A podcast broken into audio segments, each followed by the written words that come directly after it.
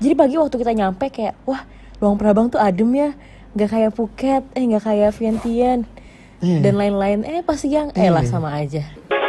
Mending mesen nan gitu. Nah, Vega lagi ngupil, ayo nanti.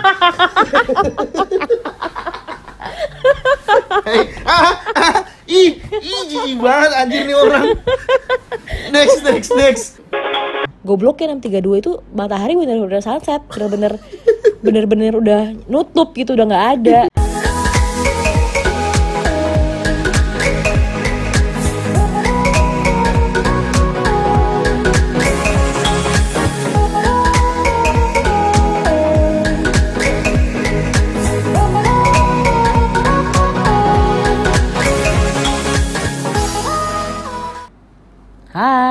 Selamat datang di Podcast Tangga Merah episode ke berapa? 6 Gue lupa anjir. 6, 6, 6 Ini hari ke-6 Eh hari ke-6, episode 6, hari ke-7 Ini hari ke Ya bener anjir. ketujuh, Iya hari ke-7 bukan ke delapan. Kagak goblok. Enggak, enggak, enggak. Oke. Kita ceritain tentang Luang Prabang. Yoi Jadi Luang Prabang itu apa dulu? Terus orang bingung Oh apaan iya tuh? Gua, gua introduktornya berarti Jadi eh, Luang Prabang itu Bekas bu- Bekas anjir kok bekas sih Mantan Dulunya itu. Dulunya itu eh, ibu kotanya Laos. Jadi Luang Prabang itu kayak apa ya? Kalau di Indonesia mungkin semacam Yogyakarta, Sumatera Barat, Padang kayak gitu loh. Pernah menjadi ibu kota tapi kemudian menjadi provinsi biasa. Nah itu Luang Prabang. Karena Luang Prabang ini gede banget. Iya dan dia salah satu kota kerajaan juga di Laos kayak gitu. Dan Luang Prabang tuh luasnya kayak ratusan ribu kilometer, mungkin 300 ribuan kilometer. Ngapal banget. Eh, Sedangkan sensus. Vientiane Sedangkan Vientiane ibu kotanya sekarang itu cuma 135 km kalau nggak salah itu berbanding jauh banget sih. Ya, kota kecil banget ya Vientiane. Makanya kemarin Hmm. yang pas gue bil eh, pas podcast kemarin tiga jam mengelilingi um, Vientiane dirasa cukup. Yoi. Berasa udah ngelilingin 135 km ya anjir. Kita nyampe jam berapa Vi di Luang Prabang? Mikir. Mikir. Mikir. Jam berapa, Bang? Gue lupa juga sabar. sabar. Gue lupa. Oh, oh pagi, pagi anjir. Oh, Pagi kita jam jam pagi banget. 7, jam 7. Iya kita nyampe pagi Jam banget jam tujuh 7 udah pagi Kita ke hostel dulu naro-naro barang, Yoi. mandi segala macam. Abis itu kita bersiap untuk mengelilingi Luang Prabang Guest house. Guest house ya Guest house. Itu. Terus habis itu kita ke Luang Praba. Eh, bukan ke Luang Prabang. Jadi selama di Luang Prabang ini kita tuh pinjam uh, Nyewa motor. motor untuk keliling ke kotanya Dan ini best deal banget kenapa kita nyewa motor Emang berapa harganya? Karena memang Enggak, bukan masalah harga Oh, bukan masalah harga. Ih, Harga sombong. bukan masalah sombong, sombong. Jadi, Jadi apa? beda artinya. Em, enggak karena memang dari satu attraction ke attraction lainnya tuh deket-deket banget. Eh, Oh. best deal nggak ya? Janjian bisa naik sepeda lagi harusnya. Iya, iya enggak. Saking Udah best deal deket-deketnya. banget harus naik motor karena kalau naik sepeda satu udah panas banget, Iya, lu panas genjot. Iya. Nggak, lu nggak kuat sih. Oh, Gue nggak naik kuat. motor aja nggak kuat. Capek coy, capek. Nah ini Luang Prabang segede-gedenya kota, tapi em, pusat aktivitasnya di situ-situ aja sih. Bahkan eh, kita keliling banyak em, tempat wisata, itu bener-bener deketan sama em, Hostel guest house, kita. guest house Iya, kita guest house kita. Ya, Tadi gue koreksi jadi se- sekarang gue yang ini. Iya, guest house kita. itu deket banget kayak berapa bahkan tinggal jalan kaki, tapi kita malas karena panas. panas banget anjir. Demi apa pun panas banget. Padahal paginya enak ya. Jadi pagi waktu kita nyampe kayak wah Luang Prabang tuh adem ya, nggak kayak Phuket, eh nggak kayak Vientiane Iya. dan lain-lain. Eh pas siang, eh lah sama aja, panas banget. Emang nggak boleh ngomong dulu. Gak boleh ngomong Nggak dulu. boleh ngomong dulu. Nah terus eh, pokoknya pas eh, pertama banget kita nyari makan karena lapar banget kan dari kemarin Parah. yang belum makan. Kita nyari makan, kita ketemu tempat yang recommended namanya Nisha Restaurant. Yoi, Nisha Restoran itu apa ya? Salah kalau nggak salah ya, cuman ada dua restoran halal di Luang Prabang. Dia tuh salah satu. Oh, Si salah Nisha ini. Nisa sama Nisa 2 Kagak goblok. Nisha sama Nishi. Tatluang. Eh, gue lupa deh. Itu lah pokoknya. Kalau satu kalau yang Nisha ini India yang punya. Kalau yang si satu lagi itu yang punya itu kayak orang Malaysia Oh. yang udah lama tinggal di Luang Prabang katanya gitu. Ya, Jadi Nisha restoran ini ratingnya bagus dan kata banyak orang yang bilang enak. Dan ini jenis masakannya tuh Indian gitu kan, India Yoi. India. Aneh juga sih kita di apa di Laos malah makan India, tapi nggak nyesel sih karena emang enak beneran Enak beneran parah parah parah. dan lumayan murah sih ya, Murah banget. murah. Murah murah. Gak pakai banget sih. Ih, murah banget anjir Ya dibanding di Malaysia, Ya lu bandingin sama negara lain anjir. Kesel Nggak murah gue. dong. Lumayan lumayan. Jadi kita tuh pesen em, apa ya? Pesen kayak ayam Banyak, banyak lu banyak. oh chicken Chicken curry. chicken tikka masala. Tapi Iya. itu yang super pedesnya gitu. Eh itu tiga puluh ribu dong ya? Eh kok dong? Tiga puluh Keep. ribu kip ya. Mm, keep. Terus pesen apa sih tuh fish Fish curry. fish curry itu juga tiga puluh ribu dong terus ada eh, sayuran gitu pokoknya namanya agak rempong-rempong gitu tapi tahu-taunya pas datang perkedel Iya, perkedel tapi di dalam kuah Mix mix Curry vegetable gitu. tulisannya. Sama pesen roti eh, sorry nan sama Nan, nan, nasi nan. Ada yang tahu nggak tahu nan kan pasti. Ceritain dong nan itu apa sih? nyusahin loh ya pokoknya nan itu tuh kayak kayak prata kayak prata Iya, juga sih kayak- roti Kalau India itu kan ada banyak jenis roti kan yang dimakan bersama tuh ada prata, ada Roti, roti, ada ada, nan. Nah, kalau prata itu yang tipis. Kalau roti itu yang biasa kalau gue beli itu yang ada isinya. Eh, roti tuh yang biasanya ada kayak telurnya gitu yang nah, dilapisin kayak pancake. Mereka nyebut itu pancake. Iya kalau di itu. Thailand atau Laos mereka sebutnya pancake. Betul. Kalau misalkan yang kita makan kemarin nan, nan itu tebel. Tapi garing, garing, cuman tebel aja, lebih tebel teksturnya dan dan lebih gede nan. Jadi kalau misalkan pada mau pesan banyak, kalau lagi pada banyak yang makan, jangan pesan prata atau roti kecil itu, mending pesen nan. Gitu. Nah, Vega lagi ngupil, ayo nanti. Hei, ah, ah, ih, ih, jijik banget anjir nih orang. Next, next, next. Belum dapet. Oke. Kita tutup dulu cukup sekian. Lanjut anjir, lanjut gila.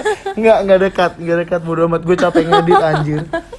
Iya kita one take only dari kemarin tuh sebenarnya dari podcast pertama sampai podcast kelima kita one take only nggak ada yang diedit edit jadi semua natural natural tanpa filter. Abis dari roti situ roti goblok. Nisha, restoran. Ngapain di roti? Eh Nisha, selain makanan ya Itu kita pesan ada minumannya, lu pesan apa sih? Gue pesan teh Indian. Cuman surprisingly dia nggak manis anjir. Eh, Surprisingly. Surprisingly ya. Surprisingly Gue budak banget dah lu. Ya terus kalau gue pesan kayak kopi Lau black coffee Lau, lau black coffee. Ah, tapi with milk Itu yang manis banget malah ya. Iya, terus- oh, Padahal punya lu banget. kopi ya kan? Anjir kurang ajar banget ya. Gue tuh sebenarnya nggak suka kopi Tapi entah kenapa pengen nyoba aja Gue gak suka kopi karena pahit Eh beneran dia gak pahit sama sekali Manis Sekali, banget manis banget. Gue gak suka yang manis banget juga sih Kampret ya. Akhirnya dapat Ribet. Ya, eh, abis dari Nisha kita Oh iya, jadi pas lagi makan karena Vega lagi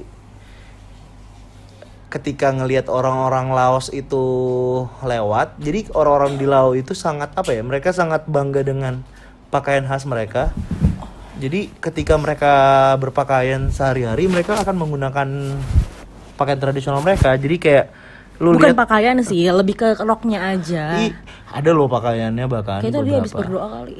Kayak gitu. Jadi tapi identitas tradisionalnya itu melekat banget. Ngerti nggak? Kayak lu nggak mungkin kan ngelihat tiap hari orang le- lewat di misalkan SCBD atau di perkantoran gitu semua pakai batik jarang kan kecuali emang ada hari Ya tertentu. tiap hari kali gue lihat orang di SCBD pakai batik. Iya, Orang-orang yang mas- kerja di lawyer. Firm gitu semua pakai batik tay. tapi maksud gue gini loh. SCBD lagi. Eh, enggak maksud Salah, gue kebaya gitu maksud lo. Nah iya kebaya Kalau gitu. batik banyak. Kalau batik banyak ya. Ya goblok. Hmm, gara-gara lu nih ngupil jadi gua hilang konsen. Next. Jadi ya yang kayak em, roknya itu mereka khas gitu loh gimana ya? Roknya kayak rok kondangan sebenarnya kalau di sini kayak bukan songket juga tapi apa ya? Ya kain gitulah. Kain khas mereka. Ditenun. tapi dia dipakai sehari-hari anehnya. Iya, dan sehari-hari. em, rok sekolahnya itu juga Pakai gitu. itu rok tenun. Dan dari SD SMP SMA semua roknya sama. Yang bedain tuh cuma bajunya mereka. Ada yang putih ada yang biru ada yang apa gitu. Gue sama satu lupa. lagi. Hati mereka lanjut lanjut nggak ngerti gue. Skip. Terus gue mencoba beli juga kan em, roknya mereka.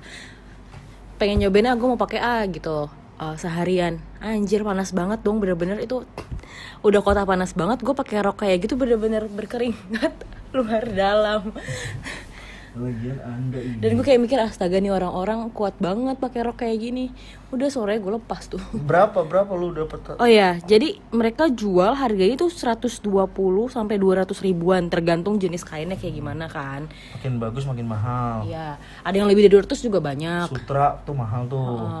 Nah, gue beli yang harganya 120 ribu kip. Tapi gue tawar-tawar-tawar dapat 100 ribu 100 ribu kip. kip itu setara 160 ribu. sama 160 ribu Lumayan mahal sih ya. Mana mahal Nggak tahu deh gue tapi kalau buat kain ini mahal apa enggak gue nggak gitu ngerti sih. iya Nah terus setelah makan, yang which is pas, em, oh ya di restoran Nisha ini, eh, surprisingly si em, siapa yang kayak bar- bartender lagi, enggak yang melaya- yang melayani itu orang India kan dan dia jago bahasa Inggris sih. Kayak kita Iya, iya. lancar Enak- banget enak ngomong sama dia, dia, ya enak lah nyambung. nyambung. Kalau ngobrol sama orang yang lain kayak aduh susah malas malas terus capek. Ya nah terus abis dari Nisha Cafe ini udahlah kita explore. Jadi jadi pas dari Nisha Cafe ini gua gara-gara ngeliat anak-anak pada pakai rok-rok kayak gitu kan gue pengen beli tuh yang tadi gua cerita beli 100 ribu kip. Itu jadi kita ke Dara Market dulu buat beli si beli si roknya itu. Kita ke Dara Market gak jauh dari sana. Jadi Dara Market tuh kayak sejenis pasar. Ada beberapa penjual. Terus di situ juga ada supermarket. Nah kita ke supermarketnya juga. Kita kayak cuma pengen lihat-lihat snack-snack sana tuh kayak gimana sih? Betul. Terus kayak emang di sana kita paling lihat birnya ya. Karena di Iya, mana-mana tuh murah banget aja em, setahu gue memang mereka bangga sama produk birnya gitu karena mereka produce lo secara lokal terus memang mereka tuh goblok ya? Eh, bukan goblok sih kayak lucu aja. Barang-barang kebutuhan pokoknya impor tapi Bir? yang dibuat dalam negeri tuh malah bir anjir. Emang Iya. hebat emang birnya murah banget kayak cuma 8000 kip empat gitu ya. ribu yang gue beli? Iya ada yang 4000 kip juga empat ribu kan cuma enam ribu empat ratus anjir. Kita mencoba beli pengen rasain aja kayak apa sih Ih, pas kebanggaan mereka. ya allah. Kayak bintang sih menurut iya gue dan gue gak suka bintang. Ya udah segitu aja sih komennya. Gue sukanya bulan. Bodoh. Lanjut lah abis dari? Dara Market ke mana? Lupa. Ke Royal Oh, iya, Palace. iya Royal Palace. Atau disebutnya juga National Museum. Ya jadi em, kita kan naik motor kita parkir di sampingnya. Itu ada namanya Royal Palace atau National Mu- Museum gitu. Itu kayak terdiri dari tiga bangunan. Jadi Hmm. di sini dari kemarin kan kita kayak keliling-keliling em, keliling-keliling candi di Laos. Di yang pas di Vientiane kan kita juga keliling Vien apa keliling candi tuh. Kita nggak pernah bayar apa pun kan nggak ada biaya masuk segala macemnya. Selama di Phuket pun nggak pernah ya nggak pernah ada bayar-bayar. Nah di sini doang nih kita bayar tiap masuk candi. Jadi candi yang candi lagi. Jadi Royal Palace ini tuh kayak banyak candinya juga ada tiga. Tapi emang candi ya? Aneh banget kalau gue bilang candi. Gue kalau ngomong candi tuh ini kali kebayangnya bukan, Borobudur. bukan candi apa ya? Intinya temple lah. Gak Klen- temple juga kelenteng ya sih? Sih? Nggak, beda. Kalau Royal Palace ini kayak lebih Kayak museum sih nggak nggak nggak kayak temple. Soalnya di situ kayak nggak ada Apa Mongnya gitu deh. Jadi pas di sana itu kita bayar sekitar 30 ribu atau 20 ribu kip ya? 20 ribu. Eh 30 30 30 ribu kip satu orang untuk masuknya. Jadi di situ ntar ada em, tiga bangunan. Satu bangunan itu kayak nyeritain tentang kerajaan mereka gitu kalau lo masuk terus bangunan kedua itu gak boleh masuk sih jadi ya tempat orang berdoa juga Berdoa. tempat ketiga itu kayak Teater. tempat ya teater jadi eh, tiap malam dia ada teater em, seni tari dan Tari-tari. musik gitu Heeh. gitu tapi kita nggak nonton karena harga tiketnya lumayan mahal paling murah 100. 100 ribu sampai 200 ribu beda tergantung kelasnya nah terus setelah itu dari sana kita ke Ceritain dulu dong. apa sih apa Apa eh, isi dari National Museum? Kan lu nggak bisa masuk kan? lah kan tadi gue udah ceritain Oh, National ceritain? Museum iya Iya. kalau skip sih Enggak lu nggak bisa masuk kan? Gara-gara apa sih? ya udah lah nggak penting anjir Penting lah biar biar nanti orang ke situ. Ya, jadi kalau ya-.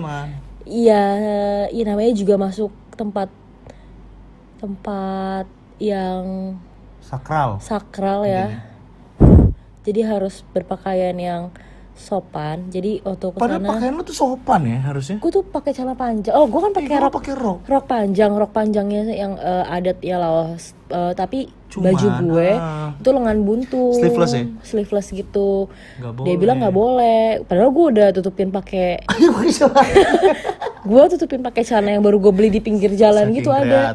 Tapi tetap nggak boleh. Ya udah oke. Itu harusnya kalau misalkan lu ganti pakai itu, tapi lu gantinya nggak dilihat sama dia, kayak bisa sih. Enggak dia bilang karena kurang panjang. Oh kurang panjang ya? Ngomong. Nah, Gitu. udah pokoknya intinya kalau misalnya mau ke tempel-tempel gitu pakai pakailah pakaian yang sopan. Tapi sebenarnya ya waktu kita ke tempel-tempel di Phuket, even lo pakai rok Iya, mini kayak betul. atau bajunya Bahkan terbuka. banyak bule-bule yang Iya, terbuka, itu pakai kan? baju terbuka nggak masalah Nggak karena masalah. mereka akan pinjemin eh, sarung, eh, sarung apa selendang. sarung dan selendang buat atasan Ah. sama bawahan tergantung lo butuhnya yang mana tapi di si- dan itu gratis biasanya kayak waktu di Phuket itu lo masuk gratis dipinjemin apa apa gratis semua gratis tapi yang di sini di Laos udah masuknya bayar dan sebenarnya dia juga minjemin itu Berapa buat itu? tutupan segala macam tapi bayar lagi 5000 kip kayak aduh males bayar lagi Akhirnya cuman gue yang masuk. iya Tapi gue rada kecewa sih. Maksudnya gue bukan gue kecewa karena tempatnya jelek, bukan. Tapi kayak isinya gue gue berharap kayak ada ada sejarah tentang Luang Prabang dulunya sebagai capitalnya Laos atau apa gitu. Malah malah sejarahnya tuh benar-benar kayak sejarah terbentuknya Luang Prabang justru kayak dari cerita-cerita masyarakat tentang kerajaannya kayak ya agak-agak lama banget menurut gua. Gua malah lebih suka cerita tentang tahun 90-an gitu loh. Ternyata nggak ada, benar-benar kayak cuman barang-barang kerajaan yang dipamerin. Kayak Gucci gitu-gitu loh. Gucci Fendi Fendi, Louis Vuitton. wow Anda pikir ini Plaza Indonesia? gitu. Abis dari situ Supreme. ke mana kita? Udah lanjut aja. Nah jadi abis dari Royal Palace Museum ini kita pindah ke Wat lain Namanya? Wat Sientong Sientong gitu. Sientong ya, bukan Sientong. Nah di sini ini pas kita datang kayak lagi ada eh, lumayan rame kayaknya lagi ada acara tapi bukan acara yang besar-besar banget sih ya karena kita masih boleh masuk-masuk segala macam masih aman dan di sini eh, berasa tempelnya karena memang beneran eh, ada apa sih biksu-biksu yang tinggal di sana langsung Kok bisu sih? apa biksu. sih? ya biksu Lu ngomongnya bisu? ya, kayak kayak bisumi gitu. ribet deh ini aksen gue gitu. Dan lagi ada acara kayaknya. Wah, emang lu tuh gak pernah dengerin gua ya? Lu tahu sendiri ingatan gue ingatan ikan. Gak perlu inget, gak perlu denger. Two seconds memory. Nah, terus Lanjut lah. di situ tuh ada beberapa bangunan, kayak ada satu, dua, tiga, empat, kira-kira empat sampai lima, lima, lima, limaan lebih bangunan gitu. Jadi uh, masing-masing beda gayanya. Bahkan ada salah satu um, candi yang dalamnya itu ada si biksunya itu sambil baca-bacain doa gitu ke tamu jadi kayak misalnya ada tamu, tamu yang butuh didoain ntar didoain. Itu gue gak ngerti sih itu Kayak ponari gitu ya. iya kan. Samain, gak ngerti dah gue pokoknya gitu. Atau enggak kayak lu minta doa ke ustadz gitu-gitu. iya mungkin. Gue nggak ngerti juga soalnya bahasanya. Jadi gue tidak berani berbicara. Dan di situ tuh kita masuknya juga bayar lagi. Dua puluh ribu kip. Hmm Coba 20.000 di yep. ya di Laos di Laos di Luang Prabang ini apa apa bayar parkir juga bayar parkir juga Iya dan di sini tumbenan banget bayar parkir. Parkirnya 5000 apa 2000? Hmm, Dua 5.000. ri- 2000 ya kayaknya. dua ribu dua ribu dua ribu Iya bayar 2000 gitu parkirnya. Tumben, tumbenan karena biasanya dari kemarin kita nggak pernah namanya ada yang tukang parkir gitu itu semacamnya nggak ada. iya oh, iya. Cuma di sini. Terus dari situ kita em, ke mana ya? Kita ke Monposi tadi Monposi. sebelum sebelum ke Monposi itu kita sempat balik hostel dulu kayak istirahat dulu gitu. Iya, karena saking panasnya kan. Iya, Lu lu kan banget, nggak kuat. ini udah nggak kuat. parah ya pokok- eh, dan bodohnya gue juga pas ngendarain motor sama sekali nggak pakai baju lengan panjang jadi bener-bener menyengat ya nyengat abis nih udah sampai hitam hitam ya hitam banget keling, keling, bukan hitam lagi anjir. nah, udah kayak bodo amat terus eh, sorenya itu kita karena si Iqbal bilangnya sunset itu jam 7 632. 6.32 ya udahlah kita berangkat jam 6 gobloknya 6.32 itu matahari bener-bener sunset bener-bener bener-bener udah nutup gitu udah nggak ada. Goblok banget pas kita nyampe pas kita nyampe lagi naik. Jadi tuh em, namanya Mount Posi itu kayak emang titik lu buat Ngelihat sana. ngelihat sunset. Banyak banget orang ke sana buat lihat sunset karena bagus dan emang tempatnya tinggi gitu. Tepatnya itu eh, walaupun namanya mount atau gunung tapi nggak nggak tinggi tinggi banget. Ada tangga. Heeh, dan naik itu masih pakai tangga masih nyaman. Walaupun tangganya beribu-ribu tangga ya capek banget. Capek lah. itu ketika kita naik banyak banget orang yang turun. Gue kayak kenapa orang pada turun? Ternyata itu udah udah kelar. Udah kelar. untungnya masih diterang gitu kan jadi sempat foto-foto juga. Tapi itu rame banget sih di situ. Simon Posi sebenarnya bagus sih Bagus, kalau mau ke sana lagi capek banget naiknya Gue suka sih, gue suka. Dan Mount Posi ini tuh sebenarnya terletak persis di depan si Royal Palace Iya, iya. jadi ini iya. emang satu tempat tempat lain sangat-sangat dekat Sangat sih dekat. deket banget bahkan kalau misalnya kalian lurus lagi atau ke daerah yang lain dikit-dikit nemu wat dikit-dikit nemu wat ya mirip aja sama yang di Vientiane Vientiane. kemarin dikit-dikit ada wat dikit-dikit ada wat sama di sini banyak banget watnya Yoi. like what What? Terus? Eh, di Mount Posi ini jadi pas kita nyampe pas mau naik Mount Posi kan kira-kira jam 5an itu tuh udah, udah banyak tenda-tenda lagi ngeba lagi bangun-bangun tenda gitu orang-orang jadi ternyata eh, di sana kalau malam di jalan di depan Royal Palace dan Mount Posi ini tuh ada night marketnya gitu mereka jual banyak barang kebanyakan barang-barang gitu sih barang-barang khasnya Laos kayak tas baju kain-kain dompet apalah segala semuanya dijual di Banyak. situ Baik banget. Heeh, sama makanannya nggak gitu banyak ya kalau makanan mah cuma di Iya. kafe-kafe yang memang ada Makanannya, Eh, iya, cuma- makanannya cuma jus doang eh, food and beverages-nya cuma Iya. eh, jus Sayang doang yang banget. which is jusnya sama semua bentukannya dari dari spanduknya jusnya harganya iya kayak satu Harganya sama, spanduknya sama. Aduh, franchise banget tuh udah. Ya, jadi abis dari Simon Posi ini kita sempetin dulu tuh ke night market yang di situ karena kayak banyak banget stallnya. Kayak kita liatin satu-satu sam- sama beli beberapa barang sih di situ. Dan aduh itu emang Laos um, underpopulated banget kali ya. Jadi emang Dikit sepi. banget kan? Kayak dia Oh enggak deh yang paling paling dikit tuh ini apa? Eh Brunei. Oh, enggak, dikit belum Brunei. pernah. Jadi kita omongin yang lagi sekarang dibahas ya, Iya, Laos. siap siap. siap Bunda. Jadi itu sepi banget dari siang sampai malam kita di sana ngerasa memang sepi sih sama kayak di Vientiane juga ngerasa sepi tapi di Luang Prabang lebih sepi lagi Parah. menurut gue. Kayak di Luang Prabang ini bahkan night marketnya itu banyak banget yang jualan. Kayak ada ratusan ada ratusan toko lah ya, ratusan tenda ya nggak Iya, sih? iya. Tapi Ramai yang banget. yang jalan di sana tuh sepi gitu Mm.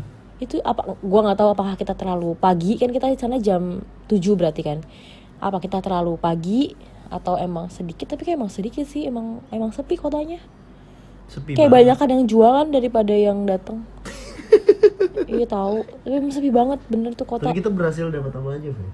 Ya kita berhasil belanja beberapa barang gue beli kain lagi karena buat nyokap buat oleh-oleh terus kayak beli apa sih Dompet kecil. dompet kecil pouch gitu soalnya kayak Bagus. uh, tenunan khas sana sama, Sama tas tas Hasana. Tas yang tasnya tuh rada-rada mirip tahu nggak sih kalau di Indonesia kalau ada suku Baduy jualan madu di pinggir jalan nah tasnya mirip kayak gitu sebenarnya. iya iya Terus udah sih itu doang ya. Segitu doang sih paling. Segitu doang eh, malamnya. Jadi tuh sebenarnya waktu kita pagi-pagi me- pagi-pagi banget pas kita dapet motor kan kita isi bensin dulu. Ke ada namanya Petro. Petrako kalau nggak salah. Pet Petrako Petra ah, Pe- daripada Petra si Ombing. Ya pokoknya semacam itu kayak tempat pom bensin gitu. Pas kita lagi mengarah ke sana tuh kita lihat ada tulisannya Luang Prabang Night Market nah waktu gue baca di Google emang di situ eh, lengkap banget. Katanya banyak banget yang jualan musiknya ada yang jualan ada makanan ada. Pokoknya di situ semua lengkap. Bahkan ada tempat mainan anak segala macam lengkap banget. Kalau gue liat review di Google jadi abis dari night market yang di depan eh, Royal Palace ini kita ke night market yang satunya lagi buat makan. Karena ekspektasi bakal banyak banget nih yang jualan. Ternyata sepi dong sepi banget. Jadi yang jualan nggak gitu banyak yang makan makanan juga cuma dikit banget. iya yang jual makanan cuma satu yang satu- satunya lagi bir yang lainnya tuh kayak ada dimsum cuma pancake gitu-gitu nggak ada yang makanan berat, berat. Dan ya pilihannya malah dikit banget. Iya susah sih. Dan Entah itu kenapa. sepi sih. Sepi, eh maksudnya ya ya em, bangku yang disediakan memang hampir full tapi buat hitungan night market itu sepi sih. Sepi kalau misalnya lo bandingin sama kayak di Bangkok Hongkong gitu-gitu wah beda kacau. memang emang satu memang itu bukan hari itu ada sih? bukan bukan memang weekend dan Oh, iya. kedua emang emang emang simply mereka dikit orangnya sih. Atau enggak emang wisatawan malam itu pada ke Mount Posi itu kali ya? Pada Mount ngumpul di Posi situ. ngapain maksudnya yang di depan itu oh yang bazar di depan Mount Posi itu juga sepi kan? Iya iya sih Iya pokoknya kayak pas di bazar depan Mount Posi aja atau Royal Palace aja nih kita beli selalu selalu dibilangnya kita pembeli pertama ya. iya Jadi kayak kita nawar, yaudah mau berapa gitu kan. Terus kayak dikasih aja kita mau nawar, eh tapi nggak dikasih langsung yang yang rendah-rendah banget, masih Iyalah. harga normal gitulah. Karena katanya buang, buat penglaris kali ya. Jadi tiap dia nerima duit langsung dikepok-kepokin tuh uangnya ke barang dagangannya. kayak di Indo Iya, aja kayak sih. di Indo. Ada lagi nggak? Hari loang berapa bang? Nggak habis dari makanan itu kita langsung balik udah. Tag podcast yang kemarin. Iya betul sih. Tapi apa ya luang prabang menurut gua favorit sih. Luang Prabang itu gue udah bilang berkali-kali kan kalau kayak Luang Prabang memang kota yang eh, sepi tapi tenang. Jadi kalau memang lo pengen liburan yang tenang bukan yang hura-hura eh bukan yang bukan bukan hura-hura apa sih bahasa yang yang rame. yang Maksudnya rame yang rame. eh, eh, yang heboh. Nah ini tempat yang pas karena bener-bener sepi tenang, dan eh kalau bicara tentang pengendara motornya ya di sini pengendara motor dan mobil maksudnya. Di sini ngendarain motor mobilnya juga lumayan kencang-kencang ya. Iya. tapi mereka nggak pakai klakson. Iya. Di sini mereka masih aman deh. Pokoknya sama kayak di Phuket. Di Phuket kan kita pernah cerita di episode kedua kali ya apa ketiga gitu. Kita cerita di sana benar-benar pengendara motor dan mobil benar-benar sabar sesabar sabarnya klakson mereka nggak pernah nyalain dan benar-benar patuh banget sama lampu lalu lintasnya itu the best sih di Phuket. Nah pas di Laos ini eh, cara mengendarainya nggak se tidak tidak sebehave si Phuket tapi at least mereka nggak nggak blangsatan banget gitulah yang nggak nggak dikit-dikit eh, klakson. Di kalau di Jakarta kan sering kan orang klakson klakson nah di sini jarang lah orang klakson. Iya. gitu. Ah, iya sih. Entah kenapa kayak luang prabang pertama kali nginjek aja kayak gue udah merasa kayak anjir nih kota cocok banget nih sama gue nih. Enak banget gue parah. Seneng gue seneng banget. Luang prabang. Salah satu kota yang menurut gue gue seneng banget datengin sih sampai detik ini sampai, sampai hari detik ini. ini karena belum coba yang lain. Iya nanti gue akan cerita tentang Ving. Nanti tenang. Jadi eh, kalau luang prabang kita juga melihat orang-orang tipe-tipe Oh orang iya. Ini Laos impresi gitu kan. Nah, orang Laos kayak kita ngeliat anjir cewek-cewek Laos cakep-cakep loh. Beneran kayak cakep cakep cakep. eh, kulitnya tuh bersih bersih gitu. Nggak nggak yang putih put ya nggak yang putih banget itu tapi tapi at least bersih gitu. Em, kayak kuning langsat gitu lah kulit kulitnya bagus bersih. Terus mukanya itu kayak apa ya gue bilangnya kayak Mongolian gitu gimana sih? Iya, kayak em, dibilang Chinese tapi nggak Chinese Chinese Chinese, juga. banget kayak Indonesia nggak kayak Indonesia juga dia mereka lebih cakep gitulah pokoknya kayak campuran mungkin kayak misalnya orang Indo nikah sama orang Chinese kali ya jadinya orang Laos gitu Iya. gue gak ngerti tapi mereka cakep-cakep sih menurut gue coba cari deh parah sih Laos cantik lah, Laos cantik. jadi kalau ada yang bilang kayak Laos mukanya kayak apa, Indonesia? Indonesia Enggak, enggak enggak lebih cakep. enggak, lebih cakep sumpah beneran Sumpah, cakep-cakep sih. beneran cakep. Beneran Lo- cakep. lo nih kalau jomblo nih di luar sana nih lo kalau mau ke mana-mana jangan Phuket jangan jangan. Luang prabang sumpah. Kalah cewek-cewek Thailand kalah. gue kalah bos. Nggak masalahnya kalau cewek-cewek Thailand, Thailand tuh make up dempulan, kan, dempul kan. ini beneran natural Iya cakep kan lu lu mengakui kan mereka tuh cakep-cakep Eh, anak-anak pulang Sumpah. sekolahnya aja tuh nggak pakai make upan atau gimana tapi cakep-cakep kelihatan nah tapi Hmm. anehnya yang cakep tuh cewek-ceweknya kalau misal cowoknya